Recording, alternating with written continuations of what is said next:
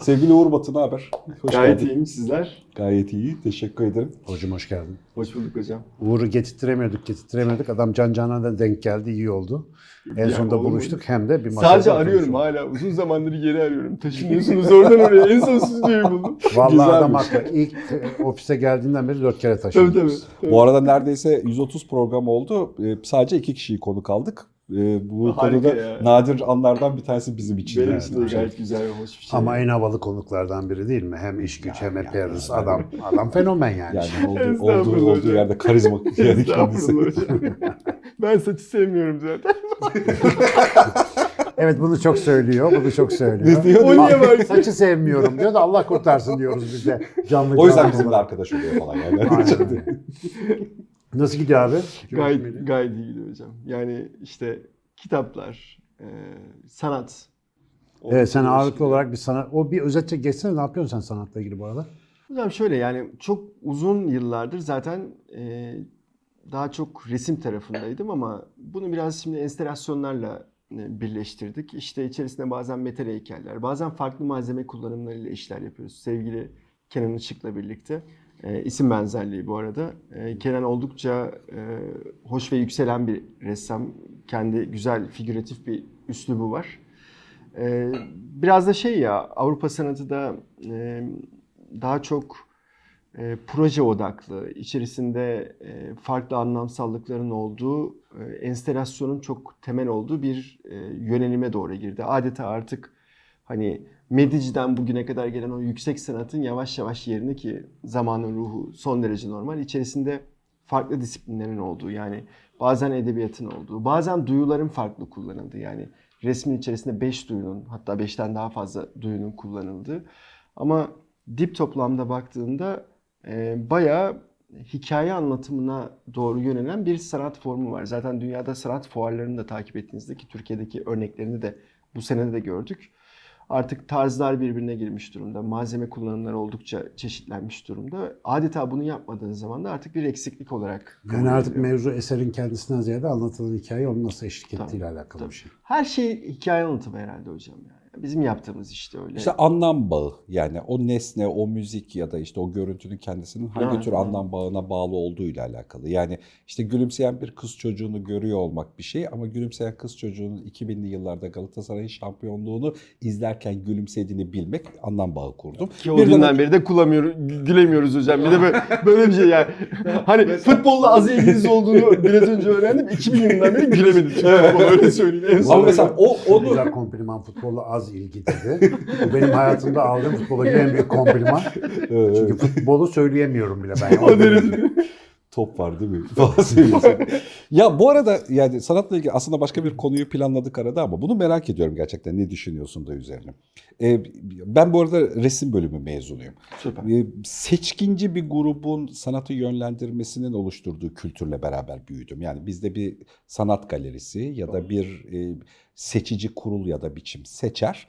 O seçki toplumsal anlamda sunulur. Biz de sanatı o olarak biliriz ya da öyle biçimlendiririz. Bu bir resim sergisi de olur, müzik parçası da olur falan. e, bir şey. Onlar beğeniyorsa güzeldir. Evet evet Onlar yani o bir seçkinci grup seçiyorsa o seçkinci derken negatiflemek istemiyorum. Yani o eğitimlerden olur bilmem nelerden olur ama yine de bir grup ya bir monarşi yönetir sanatı yönetirdi. Ee, Ama- Post-truth öncesi hemen hemen her yerde olduğu gibi.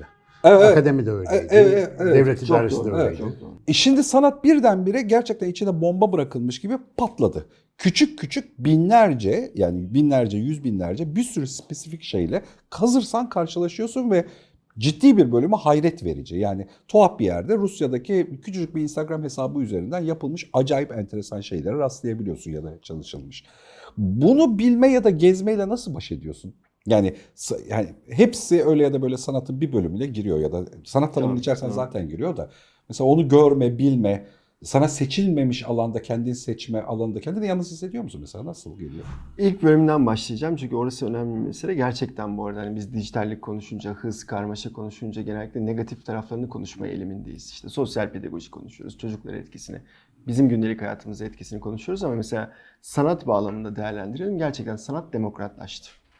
Değil mi yahu? Ya, çok, bu arada çok çok haklısınız. Yani e, şimdi ana konuşacağımız meselede de öyle. Yani yayıncılık tarafına da baktığınızda Ee, mesela yazının matematiği anlamında dünyanın en iyi kurgusunu bile kaleme alsan e, o elitist yaklaşımın kabulünden geçmediğin zaman, filtresinden geçmediğin zaman, aslında ilişki yönetiminden geçmediğin zaman, hadi açık söyleyelim yani ilişki Aa, yönetiminden evet, geçmediğin, evet, evet. o yakınlıktan geçmediğin O sürece- lobi faaliyetinden. Evet. Sadece sen biliyorsun çok iyi yazdığını.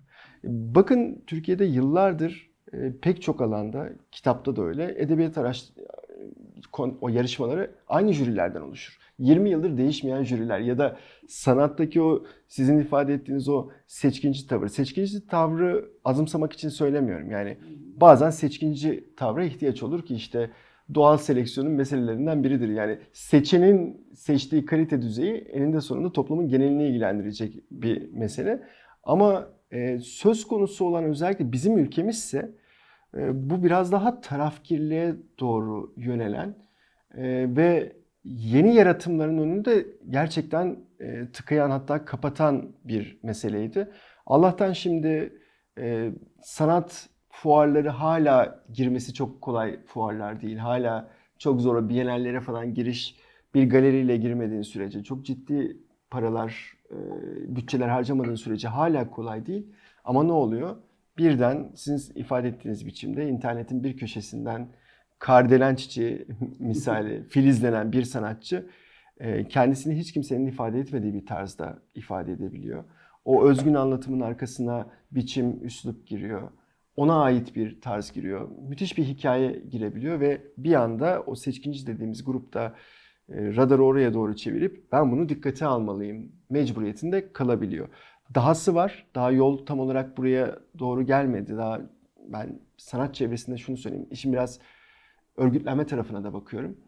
Ee, çok yetenekli ressamların, e, görsel sanatlarda çalışanların ya da e, işte heykel ve diğer disiplinlerde çalışanların e, malzemelere ulaşımının çok sınırlı olduğunu, ürettikleri eserleri sergilemekte son derece ciddi problem yaşadıklarını, gerçekten dünya çapında işler yapmasına rağmen e, o tabirle söyleyeyim arkasında bir adamı yoksa yani onu destekleyen bir yani nepotizm burada da var bu arada başka bir formuyla var. Yani her türü kötü. Bu da kötü yani hani Tabii. neresinden bakarsanız bakın.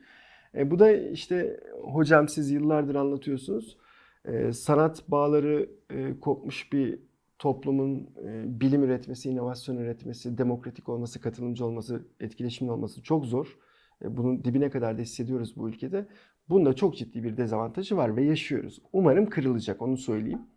İkinci meseleye gelince e, bu, bu da büyük veriyle ilgili. Gerçekten her yerde her şey var. E, işte Big Data vardı, Bigger oldu, Biggest oldu artık. Yani dedik ki bununla başa çıkamıyoruz o zaman bari filtreleyelim. Buradaki mesele olayı filtrelemekle ilgili. Önce e, tanımak, bilmek, seçme kabiliyetine sahip olmak. E, nerede dolaştığında hangi bilgiye ulaşabilirsin? Bu bilgiyi senin için anlamlı hale nasıl çevirebilirsin? Oradaki sürdürülebilirlik yani o bilgi kanalını takip etme meselesi, onun sana açılmadığı diğer ihtimalleri göz önünde bulundurmaya benziyor. 2017 yılıydı Finlandiya eğitiminin e, hashtag'i gibiydi o yüksek bilginin filtrelenmesiydi. Yani onlar konsept eğitim tarzları yapıyorlar. Yani bu sene bilginin filtrelenmesi meselesini e, konuşuyoruz. Bu da burada geçerli bir mevzu. Filtrelemediğin sürece aslında hiçbir şey alma şansı yok. Bu eski şansı yok. Akademik ya da belli bir sınıf altı olan seçkinci kitlenin yerini daha sonra kısa bir süre serbest piyasada sermaye alıyor aslında değil mi? Yani bir, bir zenginlik, Çok belli doğru. blokajlar oluştu ama şimdi de mesela özellikle bu kadar kaotik üretim ortamında filtreleme algoritmaları çok belirleyici olacak. Yani algoritmanın kendisi bir de yapay zekanın kendi kendine karar vermeye başladığı, insan beğenileri bu şey, Isaac Asimov'un şeyinde robot Aşırı hikayelerinde liberalizm diyorum ben oradaki hikaye. Aşırı Tabii, liberalizm. ama ondan da öte mesela robot 3 robot kuralına herifin bir tanesi bir sıfırıncı kural ekliyordu. Yani robotlar normalde insana zarar vermeyecekken insanlık diye bir şey tanımlayıp sıfırıncı kurala koyduğunda insanlık için insanlara zarar verebilir robotlar çıkıyordu mesela. Yani insanlığın hayrı için. Westworld'deki o siyahi Ha, robotun modu aynen, aslında. Aynen. Milyon kişiyi öldürebiliyordu mesela. Ya şimdi yeni dönemde bu işte gittiğimiz dönemde bir de böyle bir şey var. Belki de elitlerin bilmem nenin seçmesine karşı savaşabilirdin. Sermayeye karşı biraz sosyalist bir bakış açısıyla dağıtımcı olabilirdin de görmediğin algoritmayı ne yapacaksın onu çok merak ediyorum. Tabii, Yani çok doğru. Ve seni de dönüştürecek. Düşünsene alttan alta sen like yaptıkça aslında algoritmayı besleyeceksin. Abi ne mevzuymuş bunu ayrı bir bölüm yapmak lazım. Her şey çok güzel geliyor mesela sanatın, üretimin, bilimin demokratikleşmesi, herkesin kafasına göre üretmesi ama dünya o kadar ideal bir yer değil işte. Bir de bazı konuların birincisi, ikincisi, üçüncüsü yok. Şimdi bize böyle öğretildi ya sanatla da alakalı. Yani resim yarışmasına sokarsın ya da işte müzik yarışması falan olur. Birinci, ikinci olur. Halbuki sanatın birincisi, ikincisi o öyle bir statüsü yok. Bak o hala devam ediyor hocam. Yani hani bir fikir akla geldi. Hadi resim yarışması yapalım ve birinciye, ikinciye ödül, mansiyonlar falan. O hala devam ediyor. Hani birilerini ödüllendirelim olabilir. Bir havuzu ödüllendirelim, çalışmışı ödüllendirelim, iyi fikri ödüllendirelim. Olur. Hani 10 kişi bütçemiz bu kadarına yetiyor ya da motivasyonumuz bu kadarına yetiyor. Ama hani böyle bir sıralama hani şimdi Türkiye'deki en iyi sanat eseri hangisi Uğur falan diye sonra komik bir şey konuşuyor oluruz. Tabii. Hani en iyi sanat eseri diye bir şey yok işte onun ilgisini en, ne en çekiyorsa. sanatı kim yapıyor? Ha, en sanatı kim yapıyor falan gibi bir durum yok. Şimdi o duruma yani aslında bundan 10 sene önce 20 sene önce o, o tuzaktaydık. Yani en iyi sanatı farkında olmadan bir seçkinci grup bize getirdiğini iddia ediyordu. Öyle E şimdi biçimlendiriyordu. şeyden farkı ne? Yani falanca işte sosyal medya uygulaması highest ranking en, en çok rating alanı sana üstte gösteriyor. Aslında bu da bir yarışma sonucu. Arkada İşte daha liberal ya. Ha, daha Yani. liberal. Yani herkesin oy kullandığı. Ve o yüzden aşırı liberal diye tarif ediyorum. Ama bu sefer de, bir şey. Ee, yani bizim primat tarafına iyi hitap eden üste çıkıyor işte. Yani mesela YouTube'da şu anda Tabii, tabii. milyon- mesela bu program YouTube'da yayınlanıyor. Rakiplerimize bakıyorum. Tır, dörtlü tırnak içinde. Yani rakip değil tabii ama abi 2,5-5 milyon, 12 milyon izlenmiş video gördüm ben. Ve videoda adam kütüphanede osurur musun, osurmaz mısın? Böyle bir challenge yapmış mesela. Şimdi bu, Hocam bir dakika bir dakika. Sen de izliyorsun akşam bir ya. o videolardan birinde Üç tane çocuğum var. Ortanca oğlan bütün YouTuber'ları tanıyor. herif. Baba diyor şöyle bir şeyler çeksenize diye açtı. Kütüphanede dördü oturmuşlar. Bizim Türklerden çocuklar. Birbirlerinin ellerine cetvelle vurup ses çıkarmadan acı çekmeye çalışıyorlar. Kütüphaneleri rahatsız etmemek için. Böyle videolar var mesela. Ama şimdi bu üste çıkıyor işte algoritmayla. O bir şey. videolardan birinde bir kişisel gelişim üstadı. Ben onu Instagram'da da bir geyik diye yazmıştım. Şöyle bir anlatım yapıyor. Eğer diyor bir ortamda diyor size diyor birisi diyor 7 saniyeden fazla uzun ve dik bakıyorsa kestirmeden iki ihtimal vardır diyor. Ya diyor sizinle sevişmek istiyordur ya da diyor sizi öldürmek istiyordur. ben de onun üzerine şey yazmıştım. Bizim kasap Kazım amca var. Ben kıyma alırken bana 7 saniyeden dik bakıyor. İnşallah öldürmek istiyordur.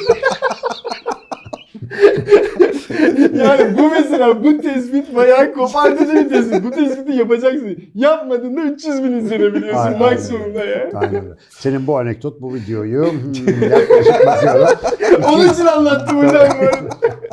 Kasabın dik dik bakması. Alt başlıkları. Video kapak şeyi bu. Kasap diktik bak bakarsa. bu, bu arada hülleci insan her yerde. Hülleci insan sanatta. Mesela oradaki mekanizmalar nasıl çalışabiliyor? Şimdi herkes NFT peşinde. işte yıkılacak gibi. yani olağanüstü şeyler var. Kardeşim geçen gün bir tane piktogram göstermiş bana. Yani konuyla da hiç ilgisi olmayan muhasebeci bir çocuk bu. Yani kardeşimden bahsediyor. Abi bu piktogram o kadar resim çiziyorsun. Gel bundan bir tane yapalım. Bak bunu 7 milyon dolara satmışlar. Böyle yamuk yumuk gülen bir piktogram. Oldu Oğuz'um dedim yaparız. Ama asıl bomba. Şimdi NFT markalaşması başladı.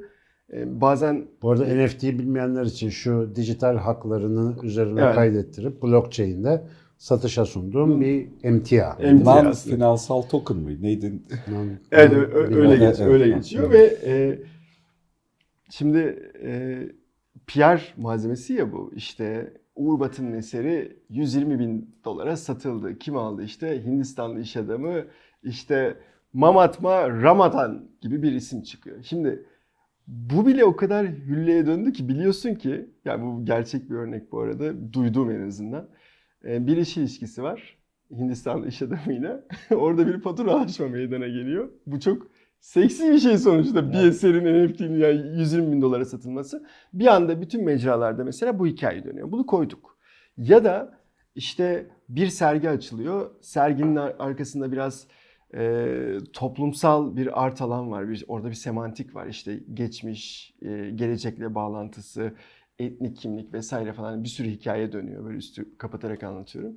Mesela oradaki serginin tartışmaların odağı olması bile aslında bilinçli kurgulanmış bir çalışma olabiliyor. Yani o sergiyi tartışmalı hale getirelim. Bazı influencerlar o tartışmalarla ilgili bir takım saptamalarda bulunsunlar. O saptamalar mesela o sergiyi gömen saptamalar olsun. Ama tartışma yaşansın ki bunu daha kitlesel hale getirelim. O tartışmadan beslenerek serginin daha İşte fazla tanınmasını çatışma satar. Ee, Oturmadan önce Tabii. konuşmuştuk bir şeyde. Evet, yani. Hülleci insan diyorum Evet. yani o yüzden. Bunun adına halkla ilişkiler çalışması da diyebilirsiniz ama hülle de diyebilirsiniz. Eninde sonunda bunun peşindeyiz. İnsanlık olarak çok uzun yüzyıllardır zannedersen peşindeyiz. Sanat da onun bir parçası haline geldi. Hep öyleydi bu arada. Ya o yüzden belki şunun altını çizmek eğlenceli olabilir sanatla alakalı. Yani gerçekten normal yaşadığın alanda karşılaştığın, Instagram'da, Twitter'da bile olabilir. Ee, karşılaşıp da beğendiğin ve sanatsal anlamda değerli bulduğun her şey değerli. Bir seçkincinin seçiyor olmasını, yönetmesine ihtiyaç yok. Sen beğendiysen değerli. Bu yani gerçekten bulaşık bezi örmüş bir kadının ördüğü şey de olabilir. Ya da spesifik birinin çizdiği bir şey de olabilir. Bu ki- kişisel beğeniyle yürüyen bir şey. Bu basitliği anlatmak çok zorlaşıyor ya. Sanat senin ona sanat dediğin ve statü atadığın bir şey olmalı falan gibi bir şey bekliyor ya insanlar.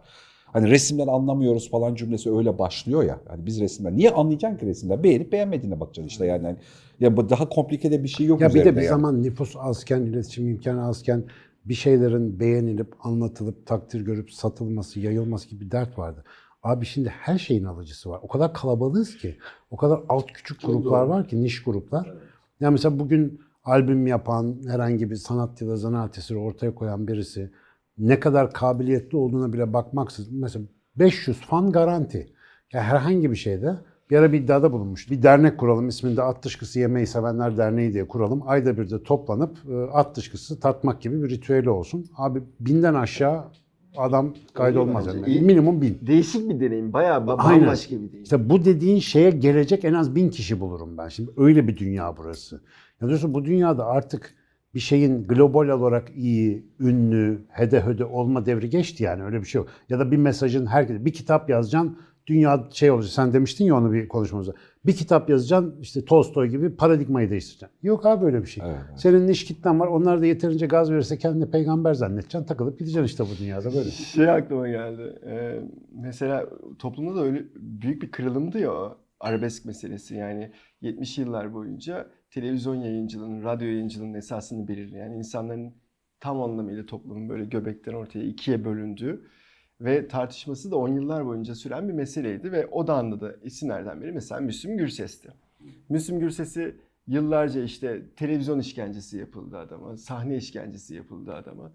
Ee, muhtemelen müthiş e, zihnel acılar da çektirildi. Ve neticesinde bir gün 1990'larda Muratan Mungan'la buluştuktan sonra ve onun sözlerini ve hatta kendi şarkılarını da yeni bir e, düzenlemeyle söylemeye başladıktan sonra birden biz mesela Müslüm Gürses'in dünya çapında bir caz gırtlağına sahip olduğunu anladık.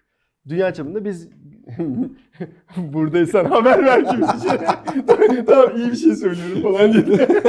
iyi bir şey söylüyorum destekleyeceğim. Ben o acı çektirenlerden. Yakarsa dünyayı garipler yakar falan diye. Buradan giriyormuş böyle şeyler. Ben sizi anladım empatiyle söylüyorum diye devam ediyor. ne yapıyorsunuz falan. ya caz gırtlağına sahip olduğunu anladık ve bir salon şarkıcısı haline geldi. Üstelik işte ölümünden 10 yıl önceki bir süreci ilgilendiriyordu. Ama bu anlam da bizde gayet oturdu yani. Kime sorsan bunu iddia edebilirdi. Evet ya çok iyi bir caz gırtlağına sahip. Şimdi hikaye böyle olunca ben tabii yıllar geçtikçe fizik her zaman şeyi düşünüyorum. Yani yaşamı anlamak için bence çok iyi bir alan. Böyle birçok şeyi açıklamak için. Bir fizik, bir matematik, bir biyoloji. Çok üçü de çok şık duruyor. Keşke daha fazla biliyor olsam diyorum kendi adıma ama mesela termodinamiğin ikinci yasası entropidir ve entropi temelde şey der ya hani mekandaki o enerjinin dağılımını anlatırken her şey bozulmaya e, yönelimlidir, eğilimlidir der. İşte her şey ölür, herkes ölür. Her şey çürür, herkes çürür. Her şey biter, herkes biter gibi çok güzel bir şeye sahip, mantığa sahip. Şimdi bu kadar teknoloji, bu kadar e, demokratikleşme diyelim ve tüm alanlarda neredeyse bunun içerisinde siyaset var, kültür var, sanat var, spor var. Yekünün aslında çok bozulmaya yüz tuttuğunu görüyoruz. Anlamı aramak, bulmak iyice zorlaşmış durumda. O zaman kitaba geçiş için de iyi bir vesile olsun. Aklıma şey geliyor. Bence dünyanın en entropik varlığı Charles Bukowski. Neden öyle söylüyorum? 40'lı yaşların sonuna kadar yazdığı kitapları, şiirleri yayınlatmak için tabiri caizse bir tarafını yırtıyor. binlerce yayın evine gönderdiğini söylüyor. Ve binlerce yayın evinden gelen cevap, o da cevap gönderenler genellikle sen ne salak şeysin ve böyle salak şeyler yazılır mı tadında bir şey oluyor. Israrla devam ediyor yazmaya eserlerini. Ee, bu arada hani hayatının böyle üç odak noktasını bizim reklamcılıktaki USP diye eşsiz satış önermesini diyelim. Alkol var, madde bağımlılığı var. Bir de taciz ettiği kadınlar var. Adam da böyle bir adam. Yani bu anlamda pek mata bir adam olduğu söylenemez. Sonunda 40'lı yaşların sonunda e, bir yayın evi, küçükçe bir yayın evi. O da şöyle bir cevapla dönüyor Charles Bukowski'ye. Diyor ki Biz hazır batıyoruz. e, bay- yani neredeyse öyle yani. Sen bayağı saçma tip gibi duruyorsun ama yazdıkların farklı görünüyor. Bak iyi falan demiyor. Dolayısıyla yayınlamaya karar veriyoruz diyor. Neticesinde Postane romanını 3 haftada yazıyor. Yazı yayına, kitap yayına girdikten sonra 100 milyonun üzerinde bir satış rakamına çıkıyor. Müthiş bir ün kazanıyor. Şiir dinletileri dünyanın her yerinde kara borsa biletlerle satılmaya başlanıyor. Ama olan şey şu. Charles Bukowski orada kazandığı para ve ünle daha fazla uyuşturucu kullanıyor. Daha fazla alkol tüketiyor. Daha, Daha fazla, fazla kadın kadını taciz ediyor. ve neticesinde 6 yıl sonra da yaklaşık ölüp gidiyor. Dolayısıyla her şey ölür, herkes ölür. mezarına, mezarına da şey yazdırıyor biliyorsunuz. Çabalamayın. Çok iyi bir anekdot. Sanatın durumu da yaklaşık bu. Sanat da entropik diyebiliriz. Bak şimdi o kadar reddeden yayın evi adama iyilik mi yaptı, kötülük mü yaptı? Buyurun işte. işte. kötülük problemi.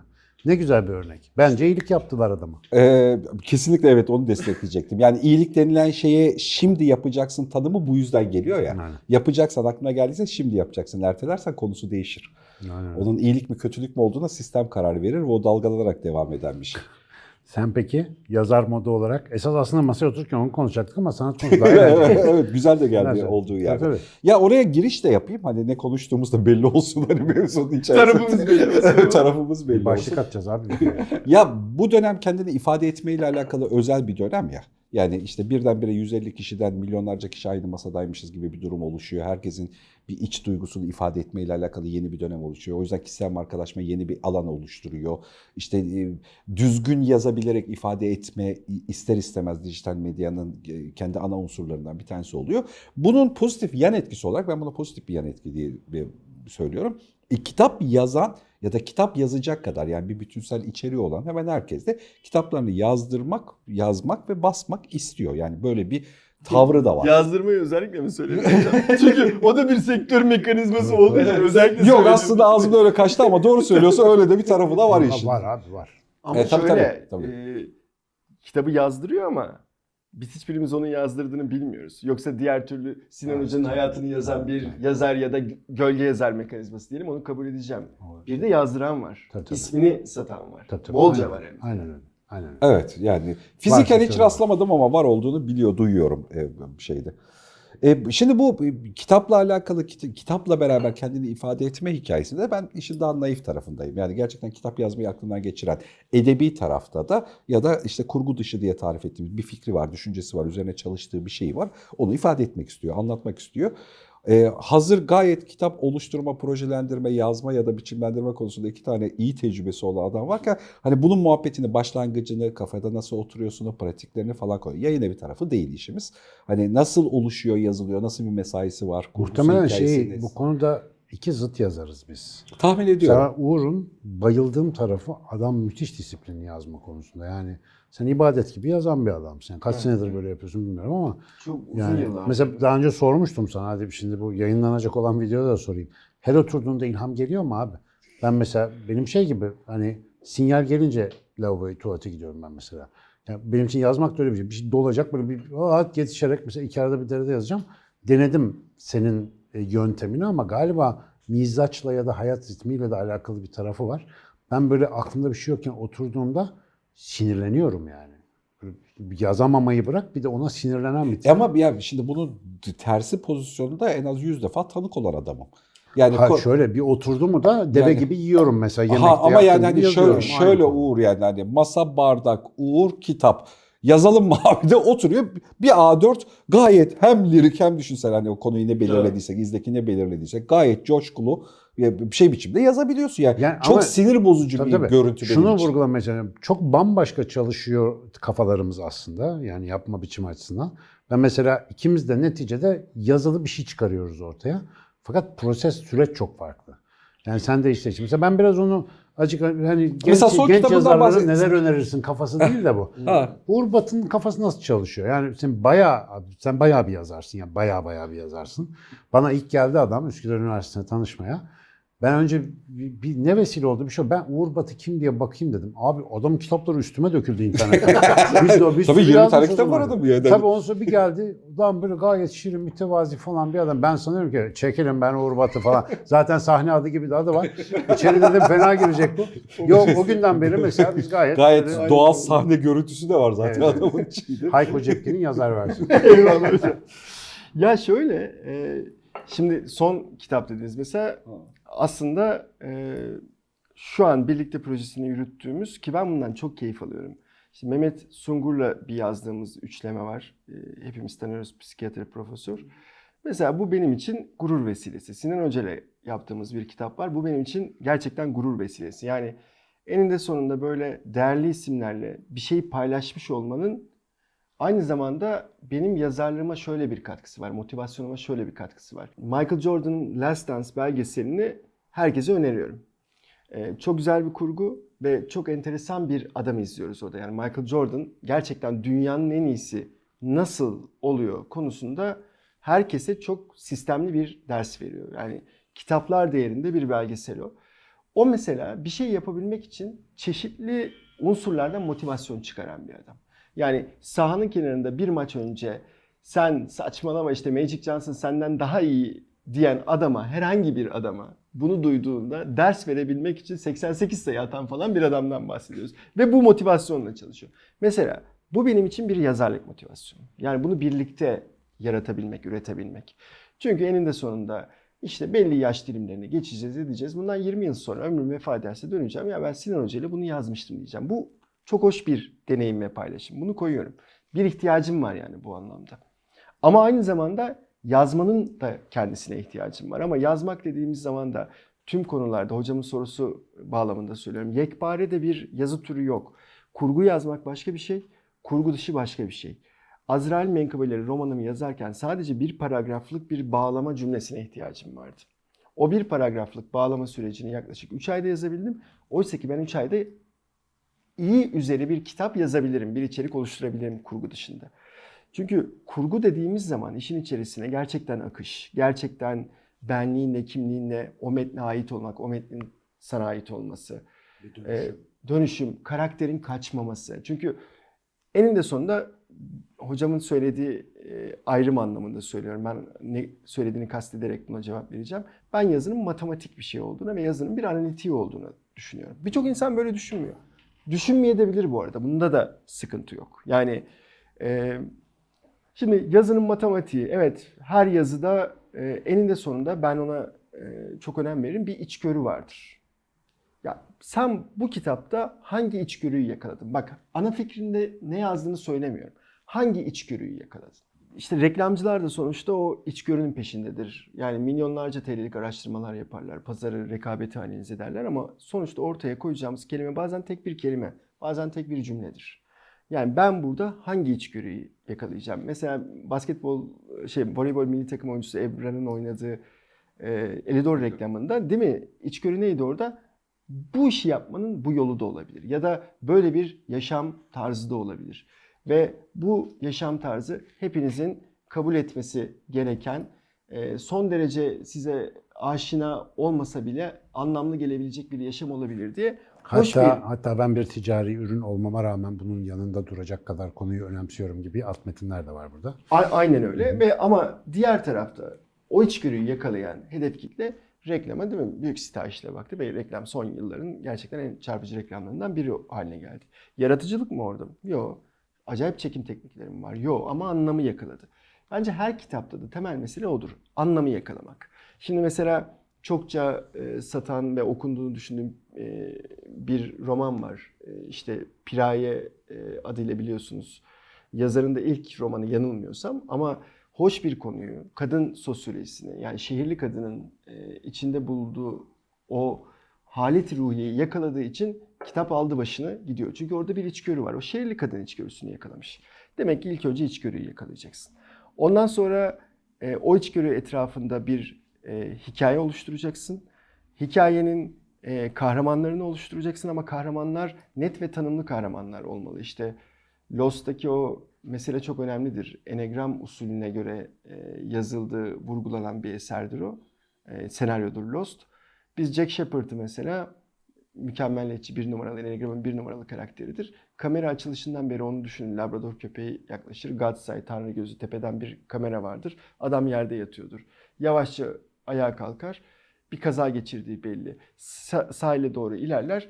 Bir uçak kazası resmedilir orada. Birinci sezon, birinci bölüm, birinci dakika. 6 sezon oynadı dizi ve sanırım 120 bölüm falan oynadı.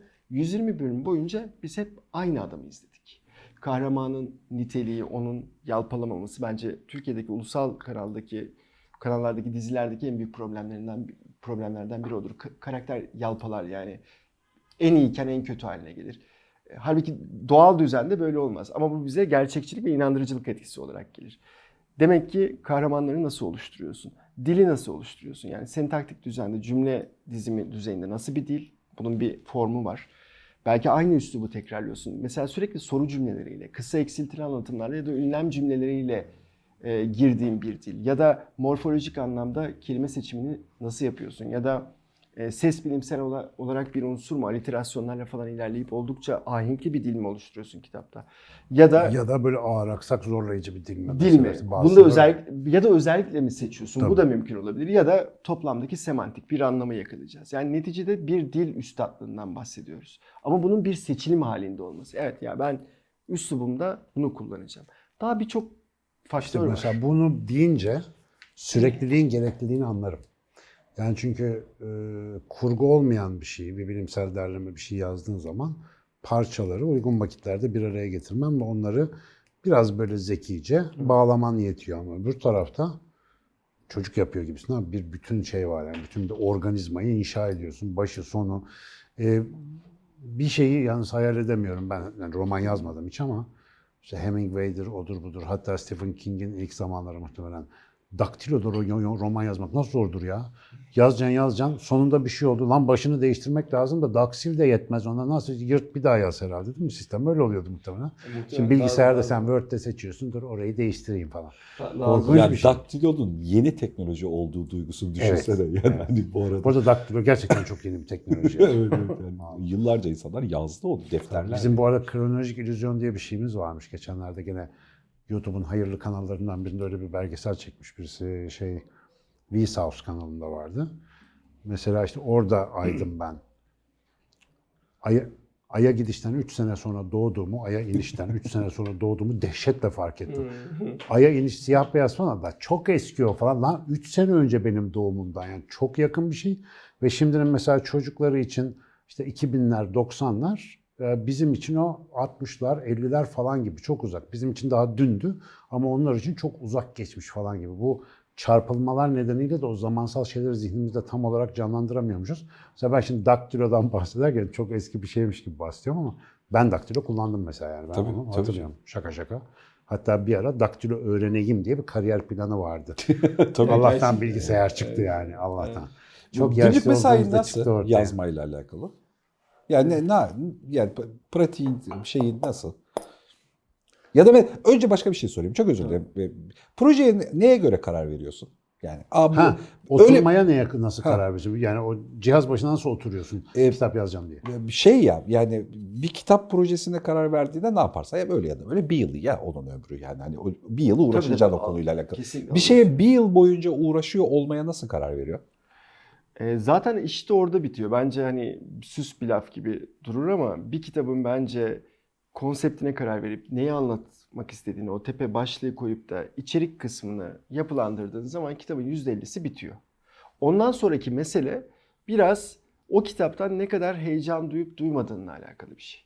Bazı kitapları yazarken çok heyecanlı olarak bu çok iyi bir konu ve ben bu konuyu çok güzel açılımlarım, bu konuda söylemek istediklerim var diye giriyorsun ama kitap tık nefes olabiliyor. İlerleyemeyebiliyorsun. Sen yazamıyorsun yani. Deniyorsun olmuyor, deniyorsun olmuyor, deniyorsun olmuyor.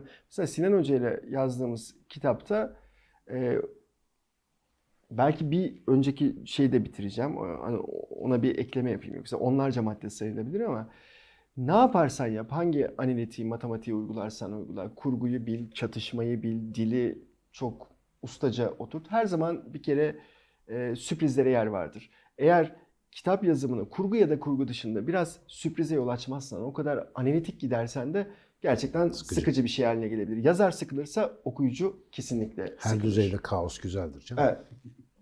Zaten hani yaratıcının e, si- siz yıllardır çok hoş açıklıyorsunuz. Yani yaratıcının özünde kaotik bir düzen var. Yani o çok sistemli bir şey gibi durmuyor. Biz olsa olsa herhalde onu sistemli haline getirerek e, insan kıvamına getirmeye çalışıyoruz. Önümüzü görmeye çalışıyoruz. Bu biraz insanın şey hani e, nasıl diyeyim e, zavallı bir arayışı gibi de duruyor. Yani o kaotik olan şeyi bir düzen haline getirme meselesi. Bu unsurlardan biri yani kitap yazımında işte orada kişisel yaratıcılık dediğimiz şey, e, kapasite dediğimiz şey e, devreye giriyor ki o belki de işin %50'si haline geliyor. Sizin metinlerde mesela bir şey ki ben kitaplarınızı yani zat- zaten okuyarak o metinlere tekrar baktım ama bir şey buldum mesela. Bulduğum şey benim kitaplarda daha az yaptığım bir şey ama o da sizin tarzınız. Daha doğrudan göndermeler var. Net olarak bu böyledir iddiası var.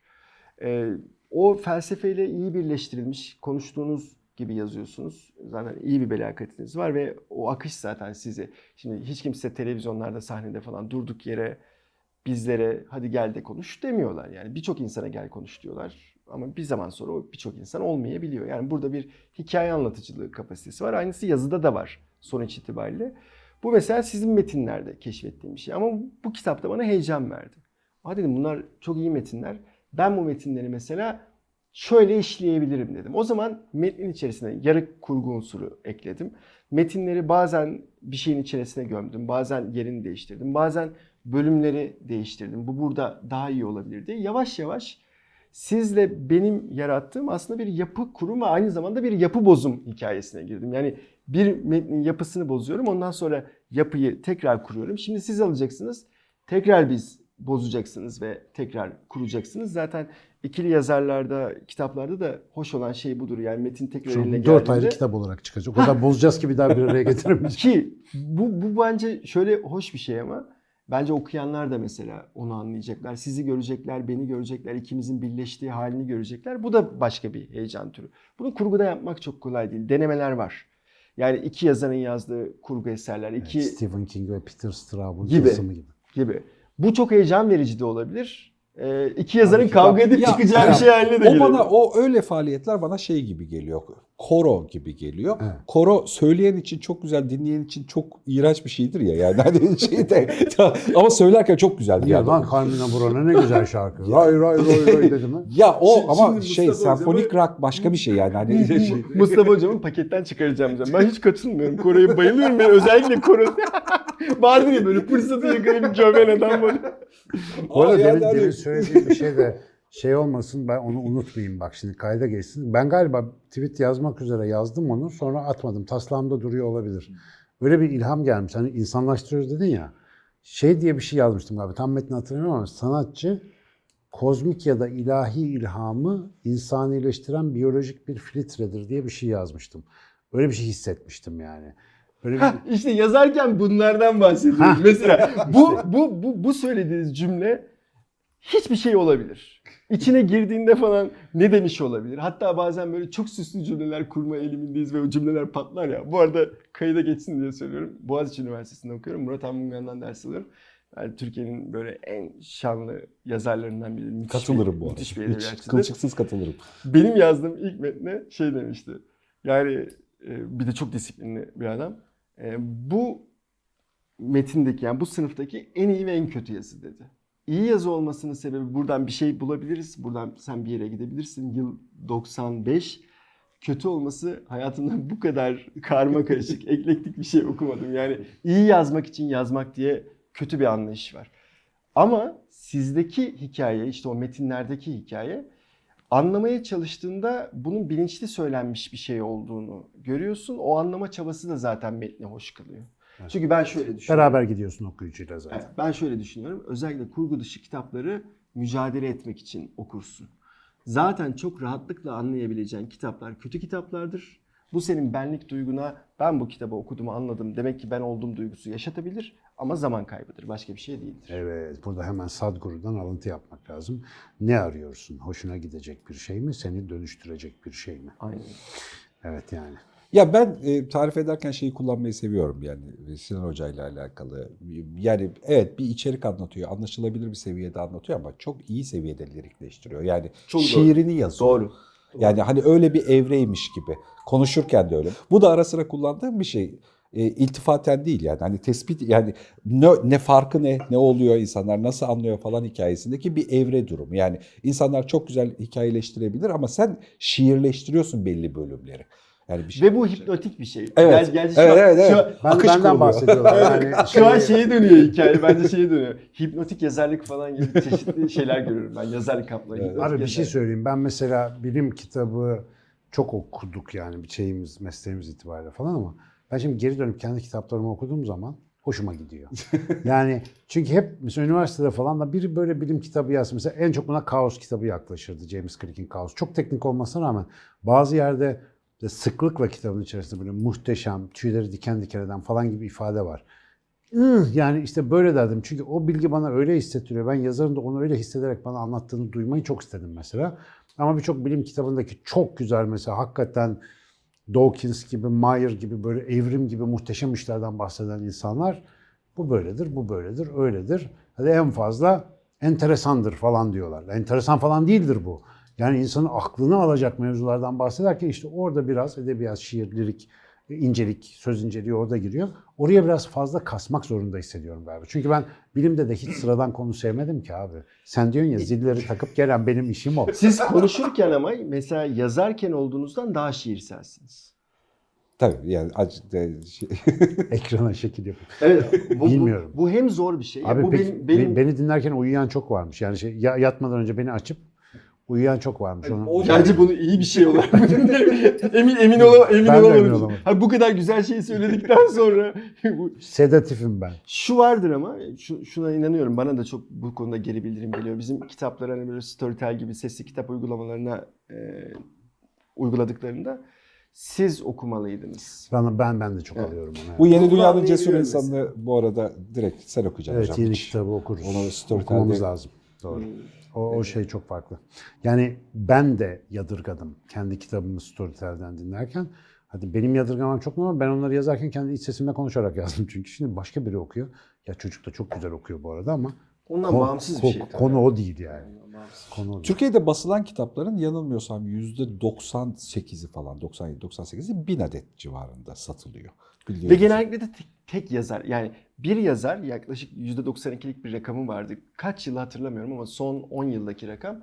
Bir yazar ancak bir kitap yazıp kariyerini o anlamda sonlandırıyor. Yaklaşık Evet. %92'si. Evet, evet, evet, evet. Yani- %8 k- ikinci ve diğer kitapları yazabiliyor. Ki yani çok ciddi şey bir rakam yani hani çok büyük bir kısmı bin adetin altında satılıyor. Yani hani bu beklentiyle alakalı mesela ya 5000 adet satan bir kitap Türkiye'de ortalamada iyi bir satış adeti. Bu arada dışarıdan kitap yazmayla alakalı düşünen insanların öyle bir aldatması var ya yani hani çok satar. Hani satmanın rakamları o sayısal yanılgılar içerisinde yüz binler, bir milyonlar falan falan. Siz tabii bu, bu şanslı grubun dışındasınız yani bambaşka bir grubun içindesiniz havuz olarak.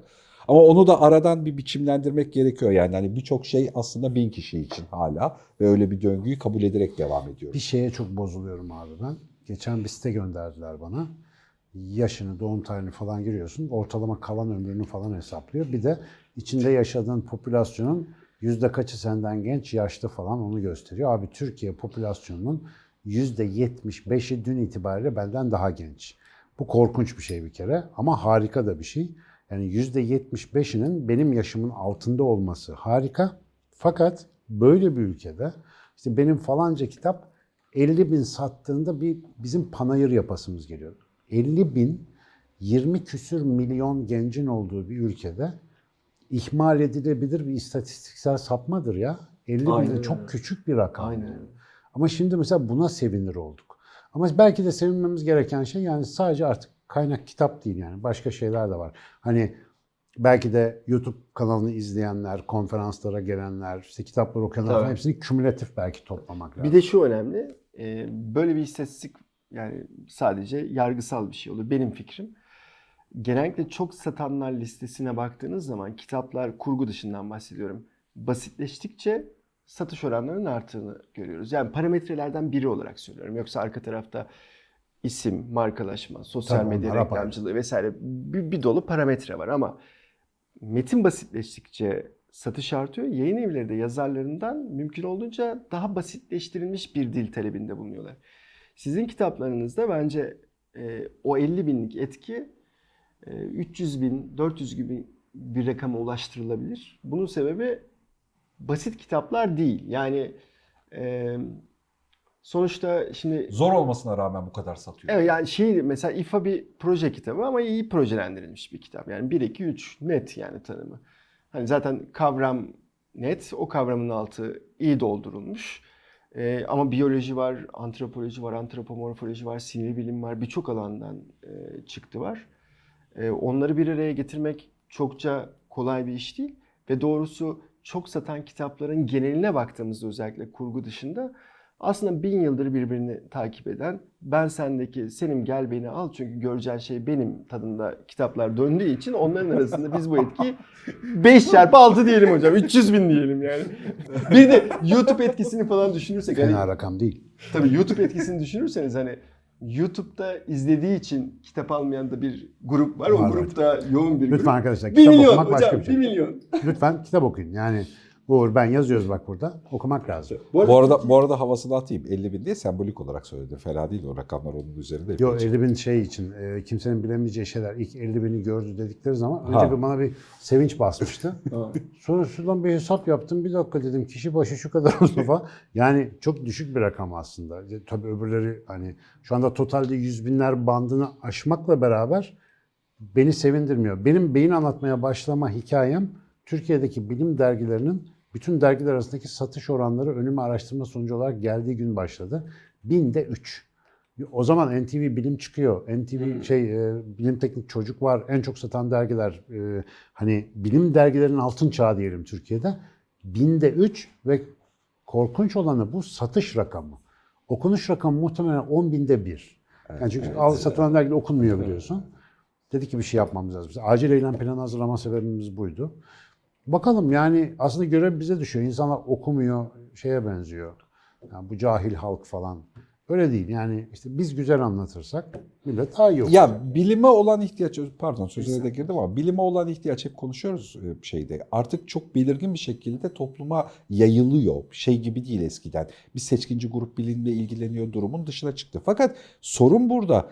Bu ihtiyacı duyan insanların o bilimsel anlamda üretilmiş bilgiye gideceği nitelikli kanalları oluşturmak. Abi adam muhteşem test çalışıyor, anlatamıyor adam. Bildiğin anlatamayan adam. İşte o yüzden Yani- abi bilimsel yani- bilimselden öte Evet. edebi dile ihtiyaç var işte. Evet, o yüzden mesela bu muhabbeti ben bugün önemsiyorum. Yani biraz daha biraz daha latif dili e, albenili hale getirebilecek imkanları arttırma gibi bir görevimiz var. Anlatmanın da bir mühendislik olduğunu Aynen. bilmek Tabii, zorundayız kesin. yani Aynen, bir şeyde. Onu çalışmak bir mühendislik, anlatmak Kesin. da bir mühendislik. Bütün tez öğrencilerime buradan abi tez sunumlarının çoğu yani üzerinize alının. Zaman Korkunç. zaman giriyoruz. evet. Korkunç abi. Korkunç. Hocam bak şey önemli yani burada kitap dışı bir şey ama ilgili de bir o saptama da yapalım.